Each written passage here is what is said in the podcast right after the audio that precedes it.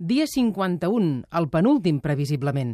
Les defenses han començat a desplegar informes finals amb un punt de mira comú desmuntar el que n'han dit la versió postmoderna i matossera de rebel·lió que ha vestit la Fiscalia, on en comptes d'armes hi hauria tuits i on no caldria violència física, sinó només actitud d'intimidació. Se rió hasta el apuntador.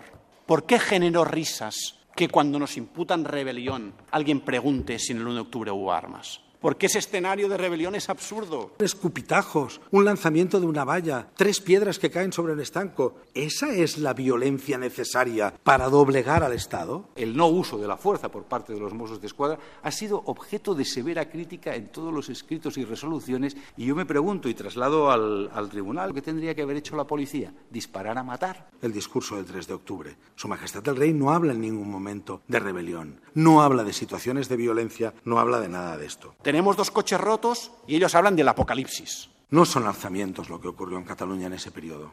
Son protestas, son manifestaciones. Poco después de las leyes de desconexión, lo que hace el gobierno de la Generalitat es incumplir sistemáticamente el contenido de las mismas. Incumple la proclamación de la independencia. Nadie dice nada, nadie vota nada, no se arría la bandera, no se comunica nada al cuerpo diplomático y todo el mundo se adapta a la aplicación de l'article 155. Arguments diferents per negar el delicte més greu, però la novetat és que les defenses de Junqueras, Romeva i Forn sí que accepten el delicte menor, no castigat en presó, el del 9N, la desobediència. Aquí se está confundiendo la desatención a la ley, la desobediencia de manual, que la podemos discutir, con la rebelión. Cedo esa trinchera, cedo esa trinchera. El señor Ford desobedeció al Tribunal Constitucional. De fet, l'advocat de Forn fins i tot ha fet aquesta oferta a la baixa al tribunal sobre el 20S. Yo creo que allí se produjeron delitos de desórdenes públicos. Con los vehículos que se rompieron, bueno, no hay que negarla. Y en cuanto a que hubo algunos actos concretos, bien que minoritarios, de resistencia a la autoridad,